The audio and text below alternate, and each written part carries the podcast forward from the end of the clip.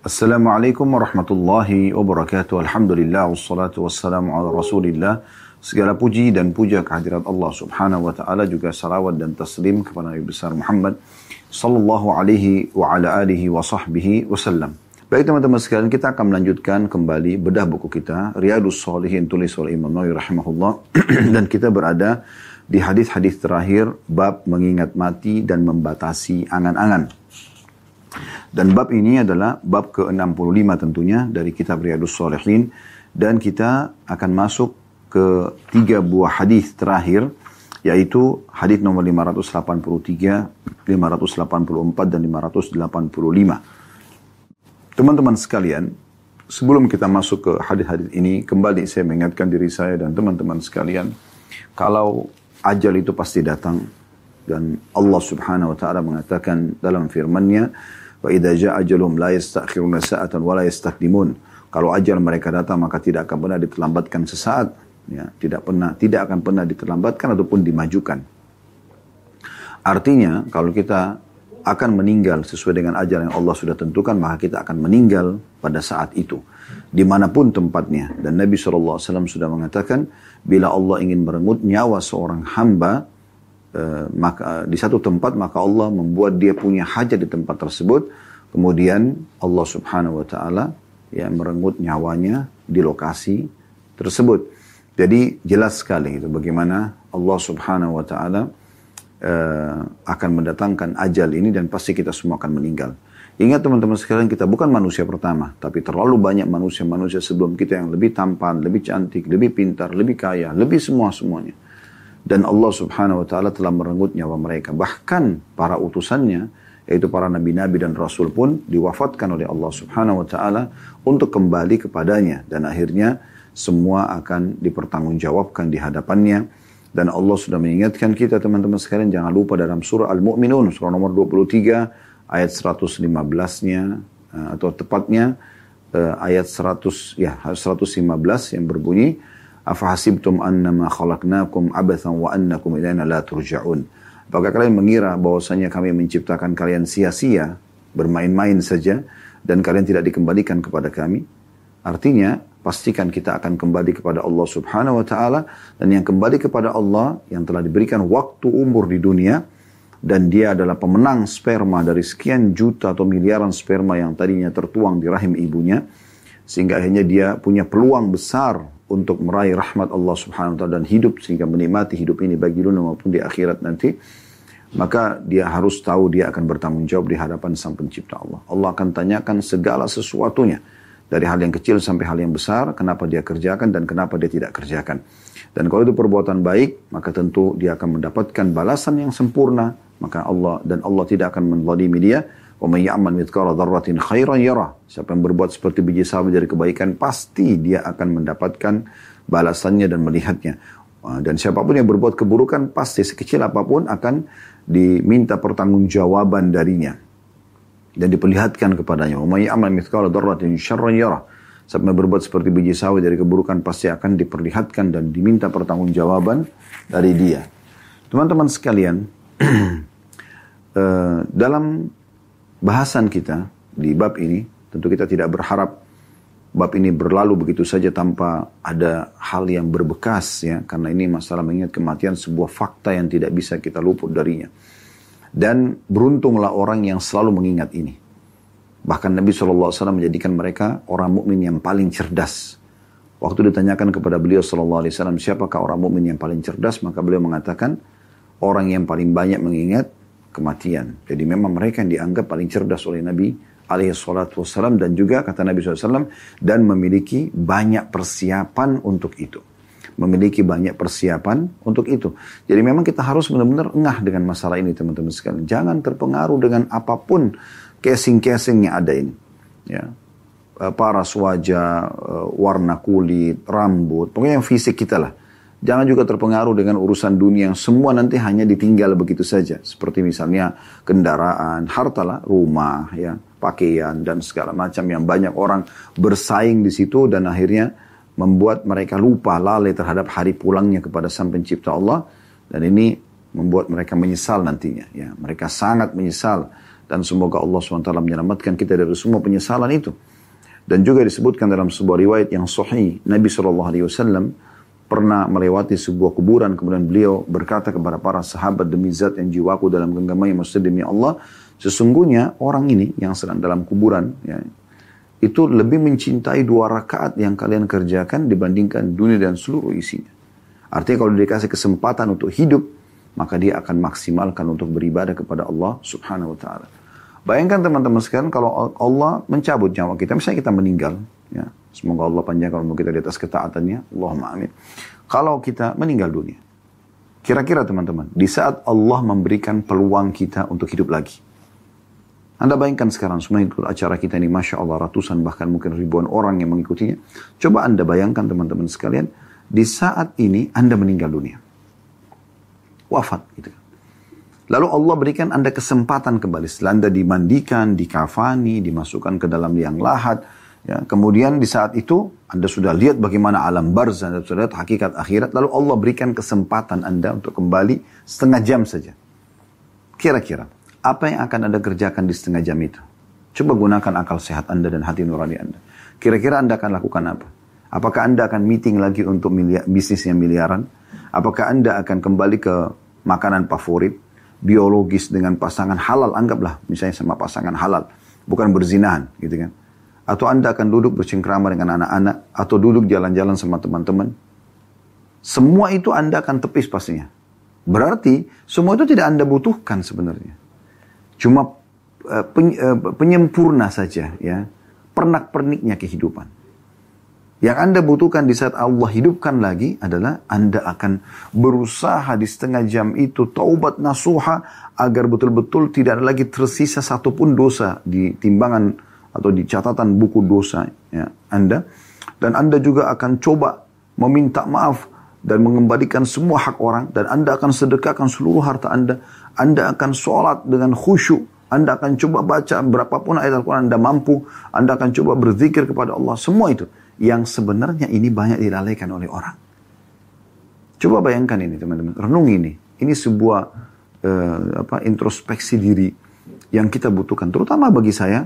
Semoga saya bukan cuma mengucapkan, tapi saya orang pertama melaksanakan dan juga teman-teman sekalian. Jadi jangan terpengaruh dengan casing-casing dunia.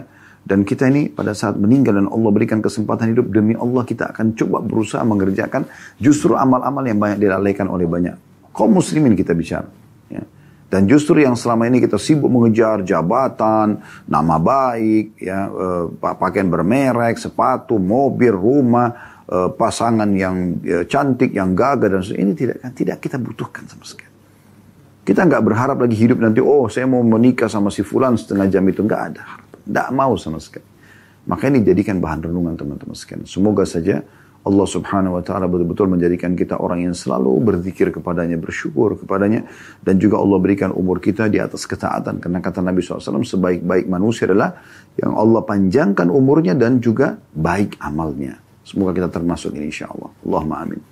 Baik kita akan masuk teman-teman sekalian ke hadis 583 saya akan bacakan berbunyi dari Abu Hurairah radhiyallahu anhu bahwa Nabi bahwa Rasulullah sallallahu alaihi wasallam bersabda badiru bil amali sab'an hal tantadhiruna illa faqran munsiya au ginan mutghiya au maradan mufsida au haraman mufannida au mautan mujhiza au ad-dajjala fa sharru ghaibin yuntadhar أو الساعة أو الساعة والساعة adha. Artinya bersegeralah kalian beramal sebelum datang tujuh perkara. Kalian tidaklah menunggu kecuali kemiskinan yang membuat lupa, ini satu. Atau kekayaan yang membuat sombong, dua. Atau sakit yang merusak, tiga. Atau tua yang melemahkan, pikun, empat. Atau kematian yang cepat tiba-tiba, lima. Atau dajjal yang merupakan seburuk-buruk yang dinantikan. Ya. Atau ya, kiamat. Dan kiamat itu lebih memilukan dan lebih pahit. Jadi ini perlu diperhatikan baik-baik. Jangan sampai kita luput dari masalah-masalah seperti ini. Jadi kita coba korek mutiara daripada hadis ini ya. Eh, walaupun sebelumnya mungkin perlu kita tambahkan sedikit informasi ya.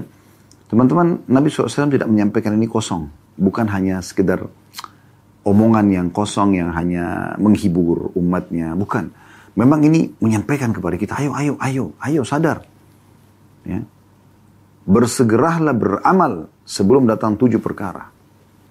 Sebelum kalian terjerumus di salah satu dari tujuh perkara ini. Karena kalau sudah salah satunya datang, apalagi sampai bergabung dua tiga permasalahan atau dua perkara ini atau dua, dua tiga perkara ini dalam kehidupan seseorang, itu akan lebih rumit bagi dia. Akan lebih sulit bagi dia. Gitu kan? Sampai tidak ada peluang lagi untuk beramal. Lalu kemudian Nabi SAW sebutkanlah satu persatu daripada tujuh perkara yang akan kita rincikan insya Allah. Baik, kita coba ambil itu, itu penjelasan globalnya ya, tambahan informasi. Uh, uh, semoga hadith ini lebih kita bisa fahami dan renungi sama-sama. Jadi bukan hanya masuk telinga kanan, keluar telinga kiri. Tapi bagaimana kita betul-betul merenungi, oh ini ada pesan. Tidak usah lihat saya menyampaikan. Tapi bagaimana hadith ini Allah sampaikan ke telinga Anda ya, di siang hari ini. Atau mungkin nanti yang memutar siaran ulang di saat Anda mendengarkannya. Allah lah yang menginginkan Anda mendengarkan ini. Tinggal Anda engah menjadikannya sebagai sebuah peringatan, nasihat atau wasiat dari Allah SWT. Ya tanpa harus melihat siapa yang menyampaikan, tapi isinya. Oh ternyata Allah sedang mengirimkan peringatan kepada saya. Cuma melalui si fulan ini kan gitu. Pelajaran pertama dari hadis adalah harusnya atau pentingnya seorang mukmin bersegera dalam bertaubat dan bersegera dalam beramal soleh. Jadi dua hal itu dari mutiara yang pertama. Bersegera dalam bertaubat dari dosa-dosa masa lalu dan bersegera dalam beramal soleh. Jangan pernah tunda taubat, jangan pernah tunda amal soleh. Nah ini mutiara yang pertama dari hadis. Diambil dari potongan sabda Nabi SAW. Badiru bil amali sab'an. Badiru artinya segera, segera. Ya, lari, cepat. Jangan pernah terlambat. Jangan pernah sia-siakan dengan amal-amal soleh. Amal soleh masuk pertama adalah taubat dulu dari dosa-dosa kita masa lalu.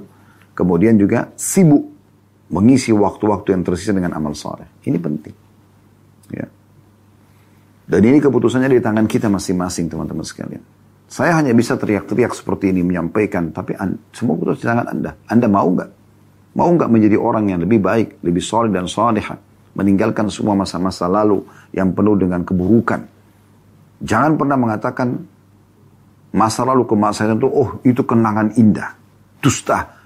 Ya, itu penipuan diri sendiri. Maksiat itu adalah kenangan buruk dan tidak boleh dikenang lagi. Perzinahan Anda dulu, penipuan Anda, mencuri Anda, narkotika Anda. Kadang-kadang orang dengan bangga menceritakan itu. Sambil mengatakan, dulu saya juga sudah pernah lalui semuanya. Apa manfaatnya dia membanggakan itu? Tidak ada manfaat sama sekali gitu. Seakan-akan dia mau tunjukkan, oh saya dulu justru waktu bermaksiat itu hebat gitu kan. Enggak sama sekali. Jangan pernah bangga dengan dosa-dosa. Para salafus salih ya terutama dari kalangan sahabat, dari kalangan tabi'in ridwanullah alaihim, mereka itu justru menyesali masa lalunya dan mereka coba berusaha tutupi gitu, ya. Dan menyesal kenapa kok bisa sampai dulu melakukannya. Terus mereka sesali seumur hidup mereka. Dan ini yang diharapkan dari setiap orang mukmin mereka bertobat dari dosa-dosa mereka di masa lalu dan terus menyesali sepanjang hidup supaya tidak terjerumus lagi. Kemudian juga mereka dari sisi lain langsung sibukkan diri dengan amal soleh. Tidak pakai tunggu. Berapa banyak di antara sahabat dari tabi'in yang mereka baru masuk Islam, mereka taubat dari kekufurannya, dari kemunafikannya, pernah ada yang munafik terus taubat gitu kan. Akhirnya mereka ikut berperang, berjihad, berdakwah di jalan Allah Subhanahu wa taala. Ya. Begitu juga dengan ya, apa namanya? Mereka meninggalkan semua dosa-dosa dan mereka segera sibukkan diri dengan amal soleh. Ini mutiara yang pertama. Mutiara yang kedua dari hadis yang bisa diambil adalah peringatan pertama Nabi Shallallahu Alaihi Wasallam, yaitu hal tanteduruna illa fakran munsia. Apakah kalian menunggu kefakiran yang membuat lupa Nah, ini mutiara yang kedua dari hadis.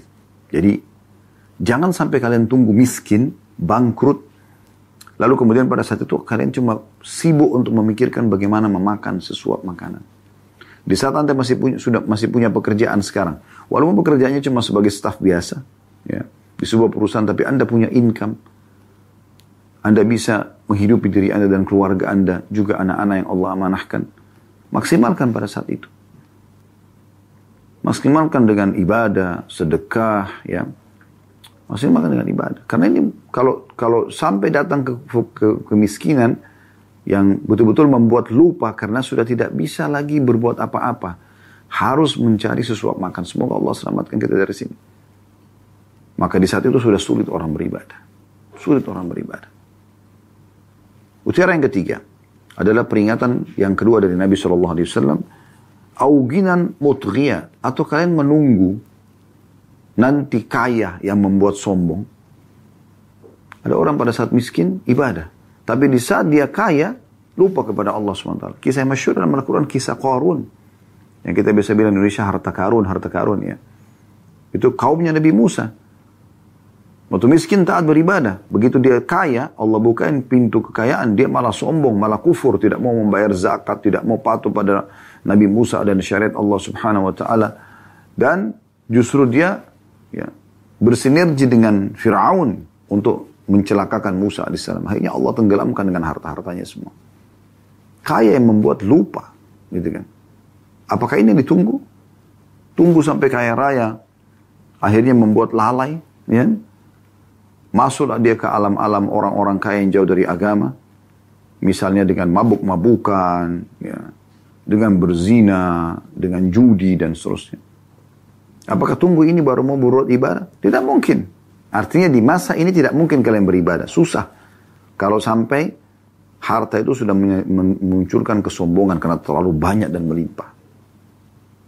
Utara yang keempat dari hadis ini pesan ketiga dari Nabi SAW. Au maradan mufsida. Atau penyakit yang merusak. Stroke tiba-tiba. Ya. Tabrakan pingsan ya atau geger otak atau atau atau naudzubillah datangnya kanker, tumor ya. Penyakit-penyakit yang tidak pernah orang sangka sebelumnya. Saya pernah uh, lihat ada sebuah cuplikan dokumenter, saya tidak ingat namanya pengusaha yang kaya raya, orang terkaya Jepang. Di hari sebelum dia stroke, itu dia masih meeting. Dan diakui otaknya sangat cerdas. Ya. Malam hari tiba-tiba dia merasa tidak enak di bagian kepalanya, tiba-tiba seluruh tubuhnya keesokan paginya stroke. Dan dia lupa semuanya. Semuanya dia lupa. Bahkan dia tidak ingat namanya sendiri. Seketika, apakah itu yang ditunggu? Yang sudah tidak memungkinkan lagi beribadah? Nah, ini hati-hati kata Nabi SAW. Jangan tunggu itu. Itu pesan Nabi yang ketiga atau sakit yang merusak. Ini mutiara yang keempat. Mutiara yang kelima, ini pesan Nabi yang keempat. Au haraman mufannida atau masa tua yang membuat pikun, lemah. Tunggu ini kah? Baru mau beribadah? Sudah nggak mungkin. Ada pernah orang tua, subhanallah, semoga Allah maafkan, saya dengar beritanya.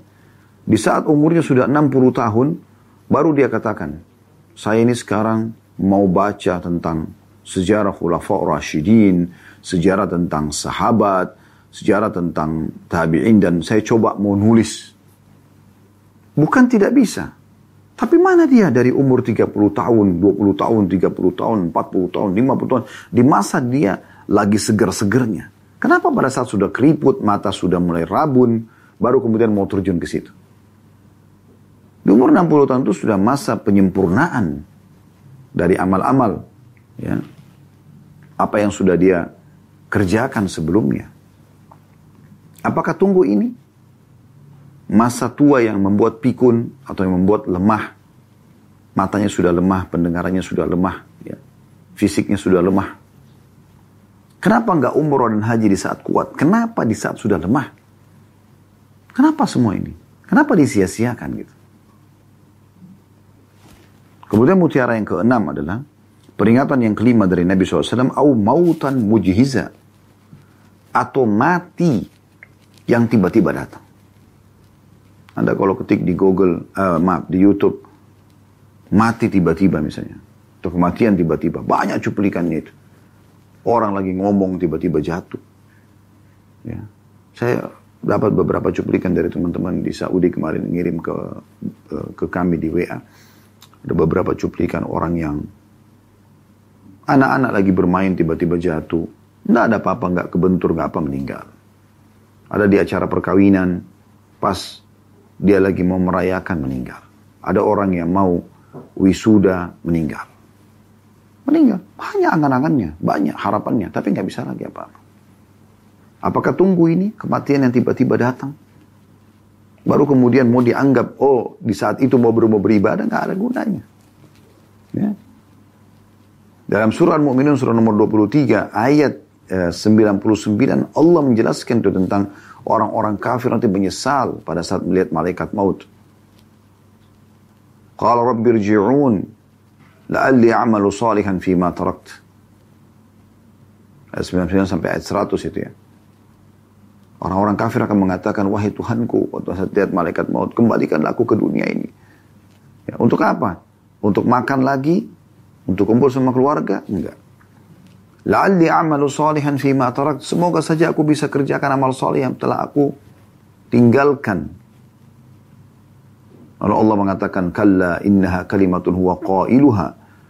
Tidak akan pernah terjadi itu. Itu cuma perkataan yang diucapkan saja. Wa mi waraihim barzakhun ila yaumi dan di antara mereka pada saat itu ada barzah, ada dinding pemisah, tidak bisa lagi berkontak sama dunia sama sekali, walaupun mereka dikubur di dunia. Di bumi ini maksudnya.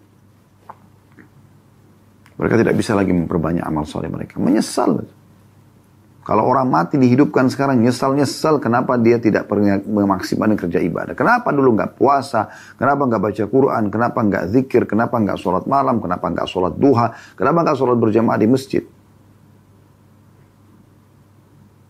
Anda bayangkan kalau Anda lagi di ruangan ICU, lagi di ya, bantu pernafasan, Anda cuma bisa dengarkan hayya ala sholat, ayo sholat, hayya ala falah yang menuju kepada kemenangan.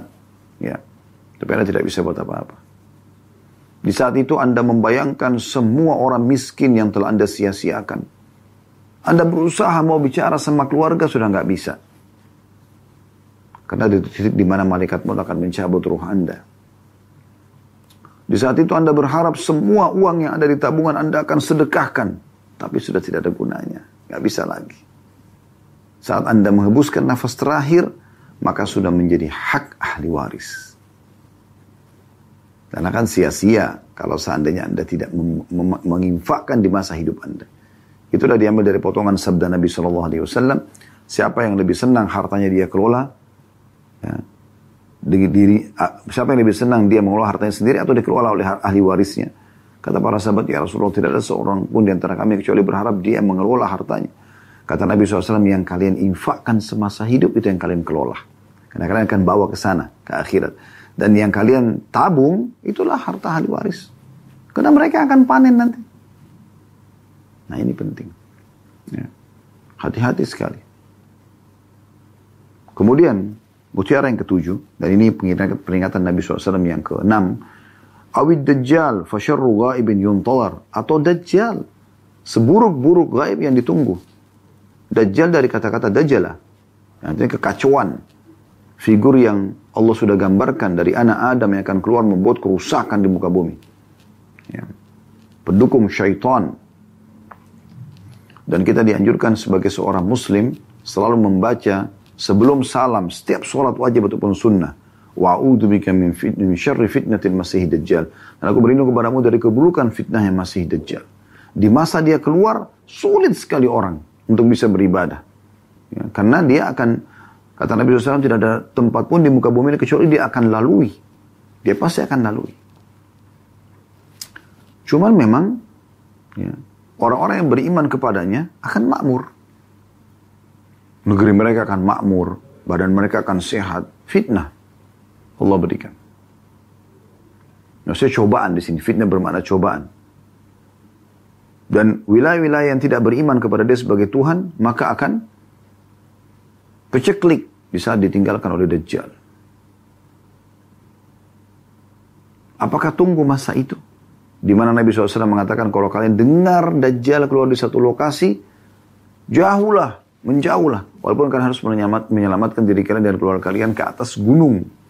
Dan jangan seseorang di antara kalian berkata, ya, sesungguhnya imanku kuat dan aku akan menghadapinya. Itu tidak bisa. Tapi kalau kalian sedang bertemu dengan Dajjal, maka kokohkanlah telapak kaki kalian.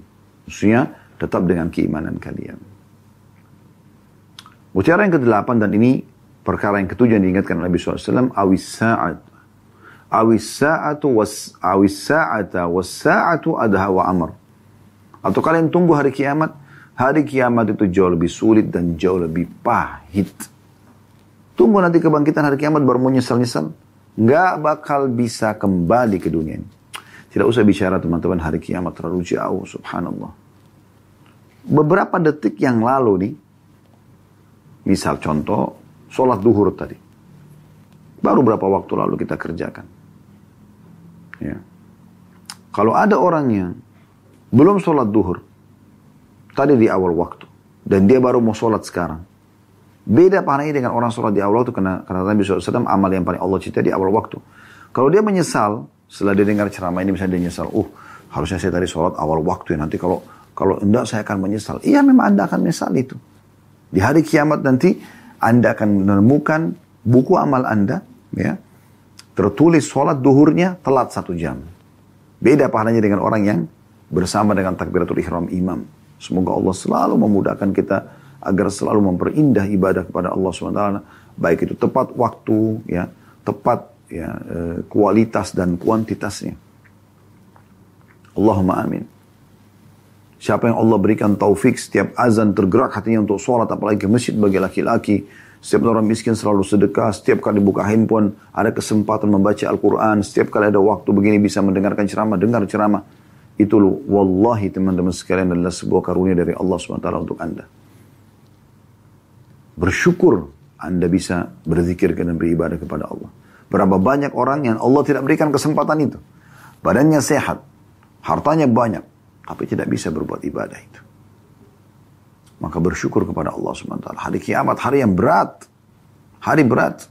Kalau tadi sudah luput itu Anda tidak bisa perbaiki. Kita tidak bisa mohon kepada Allah walaupun kita menangis-nangis, ya Allah tolonglah. Ya. Ya Allah tolonglah, selamatkanlah gitu. Maksudnya saya atau kita, ya Allah tolonglah kembalikan ke jam 12 lewat 5 menit tadi saya mau sholat awal waktu Anda nggak bisa. Sholat Anda duhur ini akan dicatat. Kalau Anda baru mau sholat sekarang, sekarang. Pukul 13 lewat 30 menit. Butuh juga dengan seluruh amal soleh yang banyak disia-siakan. Maka hati-hati teman-teman sekalian. Teman-teman sekalian, kita akan melanjutkan dua buah hadis yang tersisa dalam bab ini. Semoga Allah Subhanahu wa taala menjadikan ilmu yang bermanfaat dan juga dijadikan sebagai tambahan amal kita pada hari kiamat. Allahumma amin. Hadis 584, hadis yang sangat pendek namun memiliki kandungan makna yang sangat dalam. Dari Abu Hurairah radhiyallahu anhu, beliau berkata, Rasulullah sallallahu alaihi wasallam bersabda, "Aktsiru dzikra hadhimil ladzat, yakni al-maut."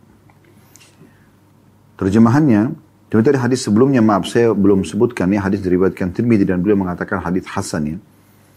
Kalau hadis ini 584 diriwayatkan Tirmidzi dan juga beliau mengatakan hadisnya hasan. Peringatan Nabi SAW, perbanyaklah mengingat pemutus segala kelezatan, yakni kematian. Jadi ini hadis sangat, hadis ini pendek namun padat sekali. Di sini Nabi SAW mengatakan akthiru, perbanyak seringkan, sesering mungkin. Ya. Kalau perlu selalu. Mengingat semua pemutus kelezatan, maksudnya kelezatan dunia. Ya. Yaitu kematian. Dan pada hadis dua buah hadis sebelum ini di hadis 558 582 eh, bagaimana digambarkan Nabi SAW pernah membuat kotak yang membuat garis yang menggambarkan adalah ajal yang bisa meliputi kehidupan manusia setiap saat dan ini garis yang keluar dari kotak itu adalah angan-angan manusia gitu kan. Ini angan-angan manusia kadang-kadang melampaui ya, batas ajal dia. Sehingga akhirnya dia lupa gitu. Beruntunglah orang-orang teman-teman sekalian selalu aja sibuk dengan amal soleh. Subhanallah, saya uh, terharu dengan uh, beberapa orang. Mungkin kehidupannya miskin Salah satunya adalah ada satu orang yang menjaga musola di sebelah kantor kami. Uh, saya pribadi gitu melihat ya ini kacamata saya pribadi. Orang ini saya tanya, Bapak ada kerjaan lain selama ini? Tidak. Saya memang dari masjid ke masjid atau ke musola ke musola gitu. Jaganya, jaga itu. Dan dia hidup di situ. Dikasih gaji dia terima, nggak dikasih gaji juga dia tidak tuntut itu. Walaupun Alhamdulillah kami sudah tentukan masalah gaji. Tapi saya lihat orang ini subuh saya datang ke musola itu ada beliau. Duhur ada, asar, maghrib, isya, lima waktu sholat. Dia yang paparkan sejadah buat jemaah. Dia yang nyalakan mikrofonnya, dia yang nyalakan AC-nya, dia yang azan, dia yang iqamah. Dan kalau habis sholat subuh itu dia berzikir, dia baca Al-Quran. Atau di antara azan dan iqamah dia berdoa. Masya Allah saya melihat dengan kacamata saya. Bahagia benar orang ini sebenarnya gitu. Jadi dia sadar atau tidak sadar, dia sedang berada di satu gerbong kereta yang kalau dia meninggal, dia sudah aman nih. Karena sholat lima waktu terjaga, dia memanggil orang untuk sholat, dia baca Quran, dia zikir. Dari satu sisi juga gajinya sudah ada untuk dia bisa ya eh, apa namanya hidup dari situ. Tentu saya bukan mengatakan ayo kita rame-rame menjadi marbot masjid tidak, tapi saya melihat orang ini mau menyelamatkan dirinya, gitu, mau menyelamatkan dirinya, sehingga hal yang positif ya, yang dia dapatkan, kebahagiaan dunia, kebahagiaan akhirat, tidak terlalu sibuk dengan hirup-hirupnya dunia ini, dia terlalu banyak permasalahan-permasalahan di luar sana, dia lepas daripada itu. Saya bahkan tanya, bapak tidur di mana? Tidur di musola ini. Tidak ada kamar khusus karena memang kecil tempatnya. Tidur di situ. Tiap bulan terima gaji dia kirimkan kepada keluarganya. Udah. Dan subhanallah setiap kali saya tanya bagaimana pak cukup nggak? Alhamdulillah. Alhamdulillah. Selalu alhamdulillah. Masya Allah. Saya seperti Allah perlihatkan ahli surga depan mata saya gitu. Karena depan mata jelas. ya Orang kalau beriman dan beramal soleh akan selamat. Walaupun secara dunia mungkin tidak dikenal oleh orang-orang. Berapa banyak orang yang dikenal di dunia, masyhur, tapi tidak ada manfaat buat dia di akhirat. Wa Kalau ada orang yang Allah berikan dia di dunia, dia bisa meninggikan martabatnya, namun di akhirat juga dia selalu saja tinggi kedudukannya, Alhamdulillah. Itu satu karunia yang luar biasa gitu. Teman-teman sekalian dari hadis ini kita ambil pelajaran bagaimana Nabi SAW mengingatkan umatnya agar selalu mengingat pemutus semua kelezatan yaitu kematian atau mengingat kematian lah tepatnya. Dan Nabi SAW menyampaikan berita gembira kepada kita semua. Ya. Asal memang beriman dan beramal saleh. Pada saat beliau sakit keras dan akan wafat SAW, sempat ya beberapa sahabat menangis di masjid. Karena khawatir Nabi meninggal sudah sakit keras dan pada saat itu umur beliau sudah 63 tahun SAW. Maka Beliau pun keluar kemudian berusaha semampu mungkin beliau naik di mimbar lalu bersabda kepada para sahabat di antara wasiat beliau beliau mengatakan wahai sekalian manusia jangan kalian bersedih karena pertemuan kita yang sebenarnya adalah nanti di haudku di telagaku. Tapi bagaimana caranya kita bisa ya minum dari haud Nabi alaihi salatu wassalam kalau kita sendiri tidak pernah mengikuti ajaran beliau. Tidak pernah memurnikan ajaran beliau, tidak pernah memperjuangkan dan mendakwakan ajaran beliau sallallahu alaihi wasallam. Menjadi orang soleh dan soleh itu indah teman-teman sekalian. Indah sekali. Tutup aurat, makan yang halal, azan, sholat, kesempatan puasa, puasa, lakukan waktu baca Quran, dengarkan ilmu. Indah itu. Kenapa anda tidak mau? Kenapa malah sebaliknya gitu? Sibuk dengan hal-hal yang tidak ada manfaatnya. Apalagi berbau dosa kepada Allah subhanahu wa ta'ala. Semoga Allah maafkan masa lalu. Sekali lagi sering kami sampaikan, di setiap kali kajian seperti ini, kalau ada sesuatu yang Anda rasa tersentuh secara keimanan di dalam hati Anda, maka ini saatnya Anda meninggalkan hal-hal yang buruk masa lalu dan mulai dengan roda baru ya ke depannya. Memutar roda kehidupan kita ini ke depannya dengan hal-hal yang baru.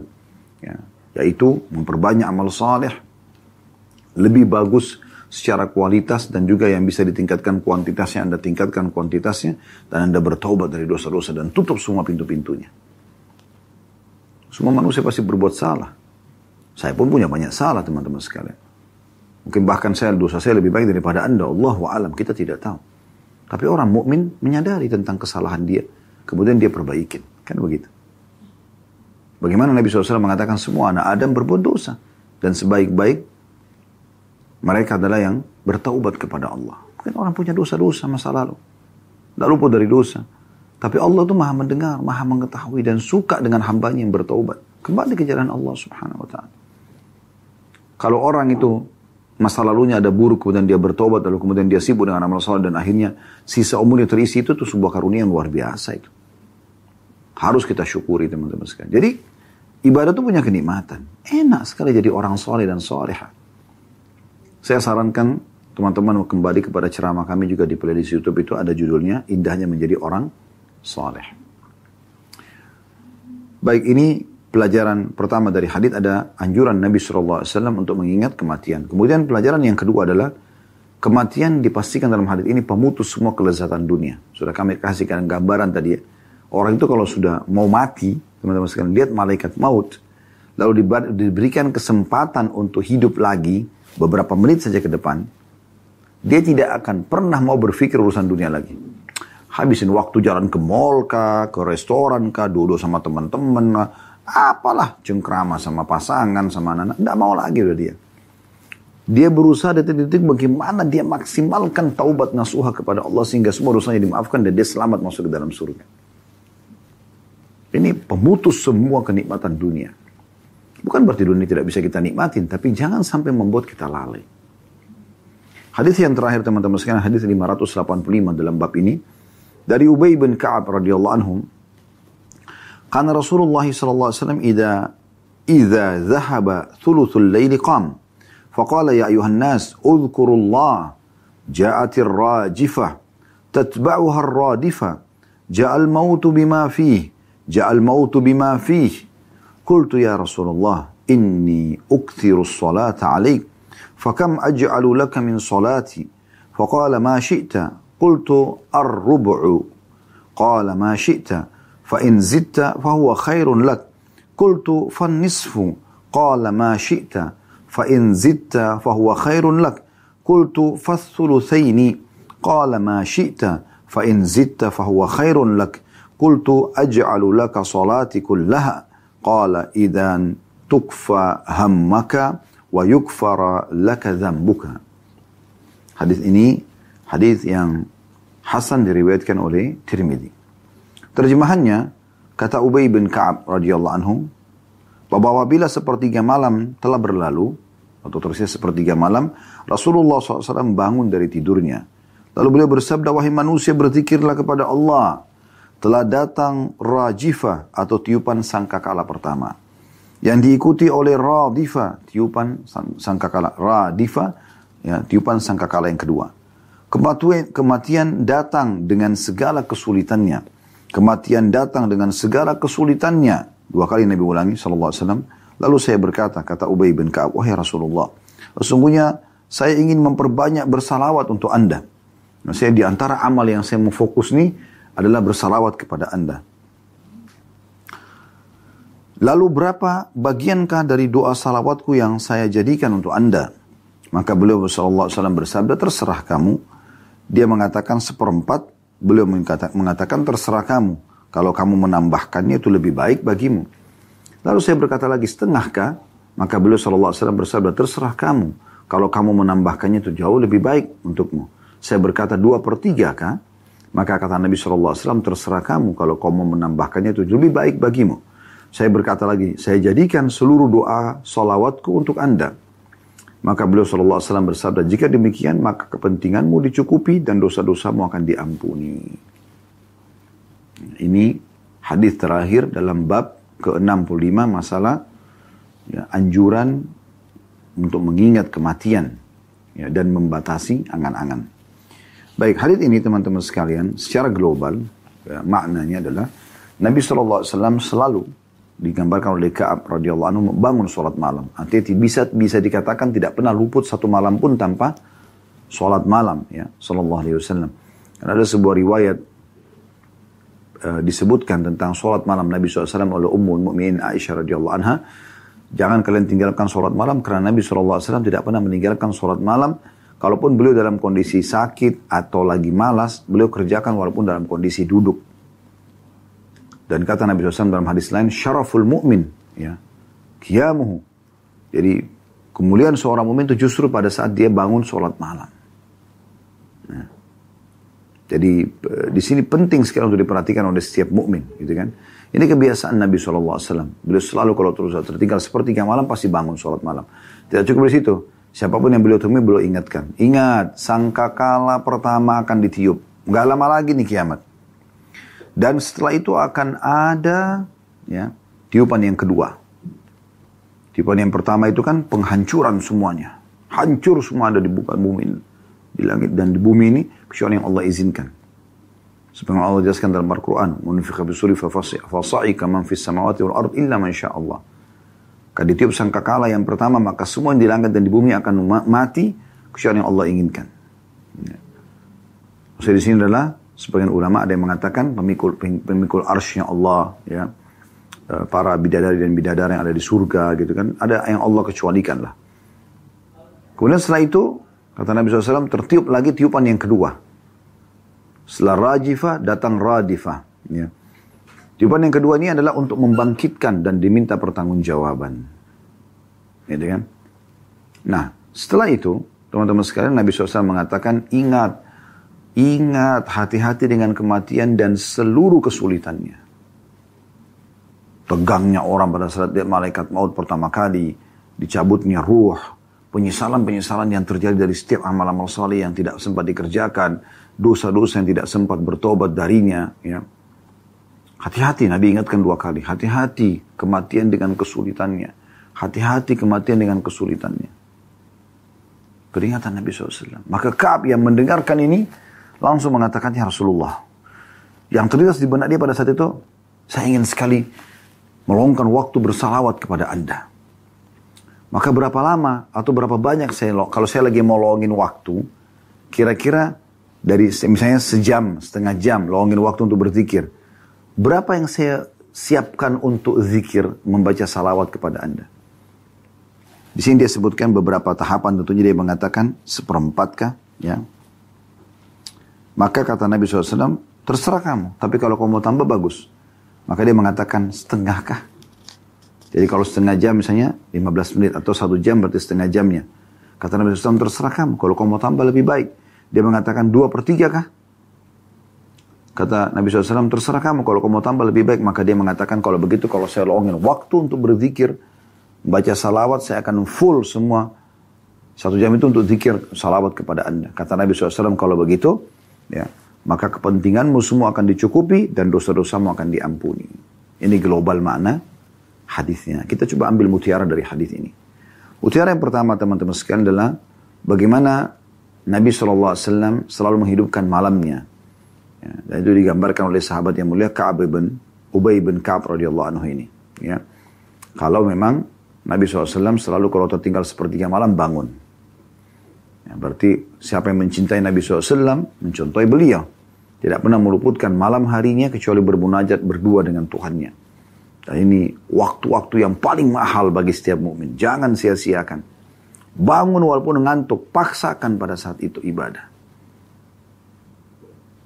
Bicara yang kedua dari hadis adalah afdal sholat malam di sepertiga malam. Diambil daripada hadis ini juga bahwasanya Nabi SAW kalau tertinggal sepertiga malam beliau bangun. Ya, juga diambil daripada hadis Nabi SAW kalau tertinggal sepertiga malam Allah turun ke langit bumi kemudian bertanya kepada para malaikat adakah yang memohon ampun aku maafkan ada yang punya hajat aku, aku penuhi atau adakah yang minta tolong aku tolong gitu kan. Nah, ini waktu yang paling afdal. Dan juga tentang hadis eh, sholat eh, malam yang pernah Nabi SAW sebutkan ini dinukil oleh Al-Mundri dalam kitab Targhib Tarhibnya. Eh, Nabi SAW bersabda, siapa yang bisa mengerjakan di akhir malam, sepertiga malam, maka kerjakanlah karena itu lebih afdal. Ini berhubungan dengan masalah hadis witir ya, hadis uh, sholat witir. Tapi sini penyebutannya itu afdal. Mutiara yang ketiga dari hadis adalah bagaimana Nabi SAW mengingatkan kepada umatnya agar hati-hati menghadapi kematian, menghadapi sangkakala. Ya, kalau mati datang, tidak ada lagi kesempatan beramal nih. Kalau sudah tutup sangkakala, tidak ada lagi kesempatan beramal. Hati-hati, hati-hati diingatkan. Hati-hati, Nabi ingatkan. Kalau gambaran dari hadis Ubay bin Ka'ab ini, hampir setiap malam Nabi SAW kalau bangun, ya karena kan tadi dijelaskan tiap malam Nabi SAW bangun ini ya. Dan berarti setiap malam juga itu beliau ingatkan ini. Hati-hati tiupan sangkakala yang pertama. Dimusnahkan semua. Sangkakala kedua pembangkitan. Hati-hati dengan kematian dan kesulitannya. Artinya Kalau mau selamat dari sekarang nih, mumpung kamu hidup, berdoa kepada Allah, beramal soleh, bertobat dari dosa-dosa. Lakukan ini segera. Segera, jangan ditunda. Detik ini taubat dari semua dosa Anda. Berubah menjadi orang yang baik, orang yang soleh dan soleh. Tidak usah peduli dengan perkataan orang. Ya. Segera taubat dari kesalahan-kesalahan kita. Segera sibukkan diri dengan amal-amal soleh ke depan. Kalau sudah sibuk dengan amal soleh, tingkatkan kualitasnya. Dan tingkatkan kuantitas kalau yang boleh ditambah kuantitasnya. Seperti misalnya sholat malam. Biasanya Anda cuma baca sholat dua rakaat, Anda sekarang sholat jadi empat rakaat. Kalau biasanya empat rakaat Anda jadikan 8 rakaat misalnya sampai hanya sempurna 11 rakaat dengan witirnya misalnya. Kalau Anda biasa sholat cuma baca 2-3 ayat satu rakaat, sekarang Anda bisa baca 5, 6 ayat, 10 ayat, 100 ayat. Nah ini kan ditingkatkan. Begitu juga dengan ibadah-ibadah sunnah yang lain yang bisa ditingkatkan secara syari kuantitasnya. Ya. Maka ini penting untuk dilakukan. Dan selamatkan dirimu hai muslim. Selamatkan dirimu hai muslimah. Keputusan di tanganmu sendiri. Allah berfirman, Inna Allah la yugayiru ma biqawmin hatta yugayiru ma bi ampusim. Allah tidak akan mengubah nasib satu kaum sampai mereka mengubah nasib mereka sendiri. Mutiara yang keempat adalah adanya anjuran untuk memperbanyak salawat kepada Nabi Shallallahu Alaihi Wasallam. Lowongkan waktu teman-teman untuk baca salawat kepada Nabi SAW. Jadikan ini sebagai zikir rutin. Minimal, minimal sekali 10 kali pagi dan 10 kali sore yang biasa dimasukkan dalam zikir pagi petang. Ya. Dan Nabi SAW mengatakan siapa membaca salawat kepada aku 10 kali pagi dan 10 kali sore maka dia akan mendapatkan syafaat kepada hari kiamat. Ini minimal. Kalau Anda bisa baca lebih daripada itu silahkan. Anda baca memperbanyak salawat kepada Nabi SAW. Ini penting. Ya. Karena memang keutamanya luar biasa. Sampai waktu Ubay bin Ka'ab mengatakan ya Rasulullah. Pada saat beliau minta saran Nabi, kira-kira berapa la, berapa banyak waktu saya lowongkan untuk berzikir kepada bersalawat kepada Anda di saat saya mau lowongkan waktu berzikir. Beliau sebutkan kan seperempat kah? Nabi SAW mengatakan boleh, tapi kalau kau tambah lebih bagus setengah kah? Boleh, tapi lebih bagus kalau kau tambah. Eh, tiga per empat kah? Boleh, tapi lebih bagus kalau kau tambah. Kalau gitu ya Rasulullah, di saat saya lowongkan waktu, saya langsung salawat kepada anda selalu. Kata Nabi SAW, kalau begitu, dipenuhi semua kebutuhanmu, dan diampuni dosa. Ini keutamaan salawat yang luar biasa. Dari sekian banyak keutamaan salawat kepada Nabi Wasallam. Ya. Begitu juga dengan hadis Nabi Wasallam bagi orang yang masih malas membaca salawat pada beliau Wasallam. Beliau mengatakan ragama amfumriin. Sungguh terhina seseorang itu. Sebenarnya kalau letter-letternya ini ter, hidungnya seseorang itu tertempelkan ke tanah. Ya, sehingga dianggap dia terhina. Man idza dzukirtu inda walam yusalli alayya Siapa yang disebutkan namaku di sisinya lalu dia tidak membacakan salawat kepadaku. Sallallahu alaihi wa alihi wa sahbihi wasallam. Maka kita termasuk orang yang selalu membaca salawat kepada beliau sallallahu alaihi wasallam sesuai dengan tuntunan beliau sallallahu alaihi wa alihi wa sahbihi wasallam. سبحانك اللهم وبحمدك أشهد أن لا إله إلا أنت أستغفرك وأتوب إليك. السلام عليكم ورحمة الله وبركاته.